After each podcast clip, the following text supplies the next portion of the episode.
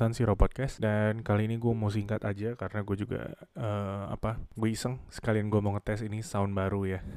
Jadi berita terupdate hari ini. Pertama itu uh, ya oke okay, Milan menang lawan Salernitana 2-1 untuk matchnya sendiri gue nggak terlalu memperhatikan karena gue kemarin lagi ke mana ya? Oh iya satu dan lain hal gue nggak bisa nonton matchnya itu hari kerja ya kalau nggak salah. Gue jadi gue ada kerjaan. Dan uh, eh, gue nggak bisa gue sama sekali nggak bisa gitu ya mengikuti. Gue baru sampai rumah malam karena seperti biasa uh, sudah perkantoran tuh sudah mulai masuk uh, full WFO dan itu cukup menjadi kendala buat gue untuk menonton. Tapi gue ngikutin yang terakhir lah. Jadi udah dua gol di babak pertama itu gue nggak nonton. Gue ngikutin dari pertengahan babak kedua uh, dan seperti yang banyak orang bilang Ochoa itu sudah menampilkan permainan Piala Dunianya dia gitu. Ketika dia di Salernitana yang mana menurut gue sayang banget Milan uh, sedikit telat gitu mengambil pemain ini. Ketika Milan menyadari bahwa dia butuh backup menurut gue kalau Salernitana bisa mengambil Ochoa kenapa Milan tidak? Itu yang selalu jadi keanehan-keanehan gue gitu. Dan itu yang terjadi dengan beberapa pemain seperti Umtiti gitu ya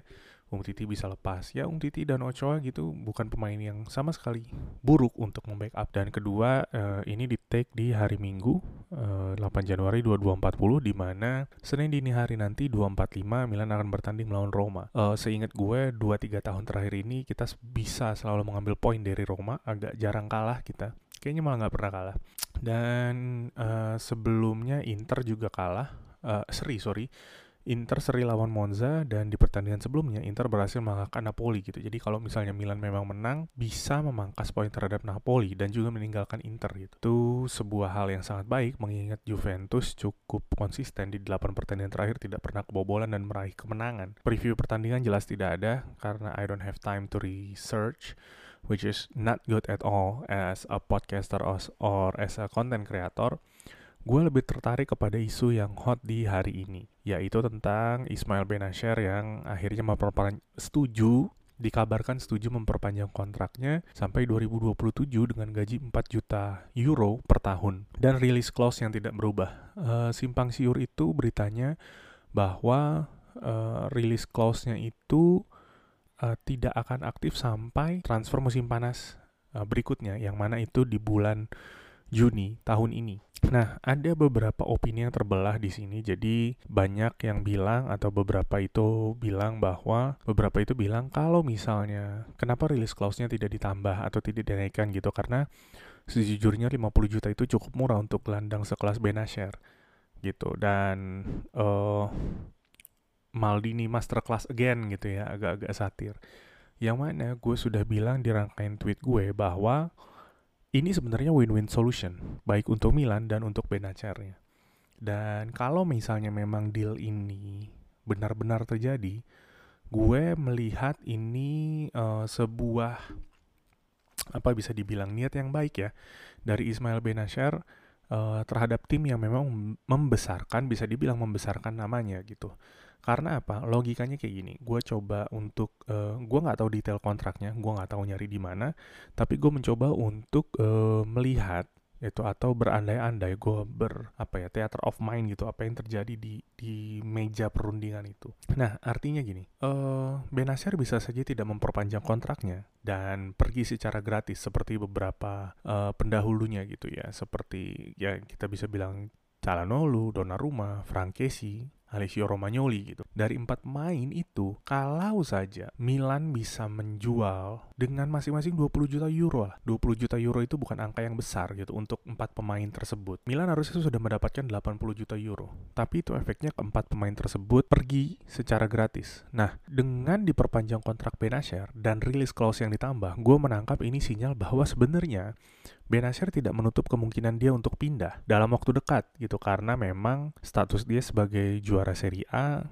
dan Milan tampil di Liga Champion dua musim terakhir ini dia memberikan good display gue yakin. Musim lalu dia mungkin tidak terlalu banyak uh, kelihatan karena cedera dan bisa dibilang kalah bersaing dengan Casey dan Tonali. Tapi musim ini Benasir otomatis jadi penguasa lini tengahnya Milan gitu. Nah gue bisa bilang Benasir tidak menutup kemungkinan untuk pindah Tapi Benacer juga tidak mau dia pergi dengan gratis. Artinya mungkin itu ungkapan terima kasihnya. 50 juta euro angka yang fair. Ketika dia dibeli di musim depan, misalnya kan ada rumor yang mengatakan Arsenal menginginkan dia gitu, mengingat dia sebenarnya adalah pemain muda yang berasal dari Arsenal. 50 juta euro akan memberikan pendapatan yang bagus untuk Milan. Walaupun kalau gue, gue boleh milih, jual semahal-mahalnya gitu. Gelandang seperti dia mah harusnya 60 gitu ya 60 mah nggak ke mana gitu. Jadi dia dengan memperpanjang kontrak artinya memberikan opsi kepada kepada tim-tim yang berminat pada dia untuk lu bayar deh transfer fee-nya gitu. As sebagai tanda terima kasih kepada Milan karena sudah memberikan dia kesempatan. Jadi kalau nanti di summer Arsenal akan membeli dia Benacer bisa pindah ke tim yang gue bisa bilang lebih kompetitif dan Milan bisa mendapatkan keuntungan dari penjualan dia itu adalah hal-hal yang tidak didapatkan dari pemain-pemain yang tadi gue sebutin gitu. Donnarumma, Calhanoglu, Keshi dan Romagnoli gitu. Milan lost di situ totally lost dan semoga itu tidak terjadi dengan Benacer nah apakah bisa dia terjual di harga yang lebih tinggi? Kalau gue jadi tim peminatnya ngapain gue bayar 60-70 juta gitu? Kalau misalnya memang minimum minimum close-nya 50 juta Ya artinya di situ kedua belah pihak, baik Milan melalui Maldini dan Masara, juga Benacer sudah bersepakat bahwa valuasi dia yang tepat itu 50 juta. Gitu. Di mana angka itu mudah di, dipenuhi oleh tim-tim Liga Inggris dan angka itu menurut manajemen Milan sudah mendatangkan keuntungan yang cukup untuk Milan melihat uh, harga belinya dan bagaimana uh, amortisasi dia sebagai pemain. Jadi ketika nanti dia dijual akan mendatangkan keuntungan yang cukup besar untuk Milan. Apa harapan gue terhadap Benacer? Kalau harapan gue ya tentu dia tidak dijual gitu. Tentu dia menjadi midfield maestro-nya Milan. Pun duet dengan Tonali musim ini berjalan, gue sih melihatnya kurang begitu baik gitu. Karena dua gelandang ini tuh ah,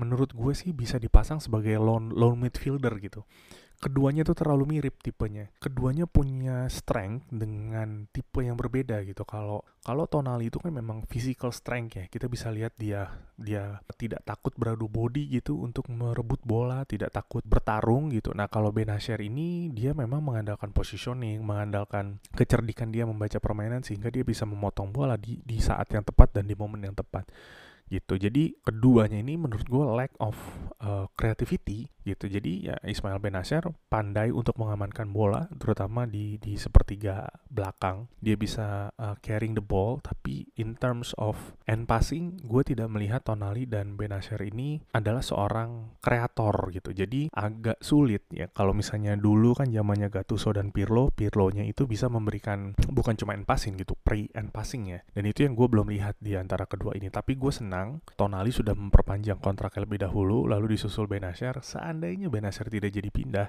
ya double pivot kita ini memang gue bisa bilang salah satu yang terbaik di liga gitu. Tentunya dengan kematangan ya, tentunya dengan seiring berjalannya waktu nanti kita bisa akan lihat sampai di mana ceiling mereka nih, sampai di mana top level mereka berdua gitu. Jadi uh, menurut gua kontraknya Benasir ini uh, adalah sebuah win-win solution yang gue yakin sudah melalui perbincangan yang alot gitu antara semua pihak yang terlibat. Gue tadi baca sekilas di Twitter bahwa ada peran uh, Benasir berganti uh, agen di situ. Cuman uh, ya di berita tersebut hanya seperti informasi saja bahwa uh, ya deal ini terjadi setelah Benacer berubah agen dari Musa Sissoko ke Enzo Raiola gitu atau adiknya Mino Raiola. Ya, gue sih nggak ya uh, bisa jadi itu ada ada apa ada pengaruhnya gitu. Cuman gue belum lihat rilisan yang resmi terkait peran agen barunya uh, Benacer dalam saga transfer perpanjangan kontrak ini. Uh, but then again belum ada pengumuman resminya dari Milan ini baru berita-berita yang diangkat dari berbagai macam fan accountnya Milan gitu. Jadi ya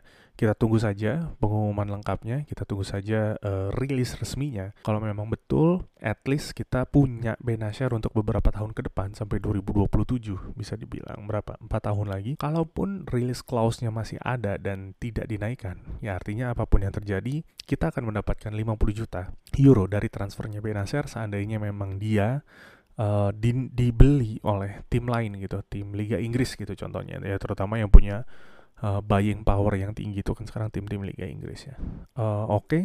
itu aja dari gue. Uh, ini hanya update singkat saja terkait isu yang baru muncul dan sekaligus gue mau ngetes audio audio barunya gitu. Gue sambil sambil belajar nih membuat podcast ini cukup proper. Uh, sekian dari gue, terima kasih, goodbye.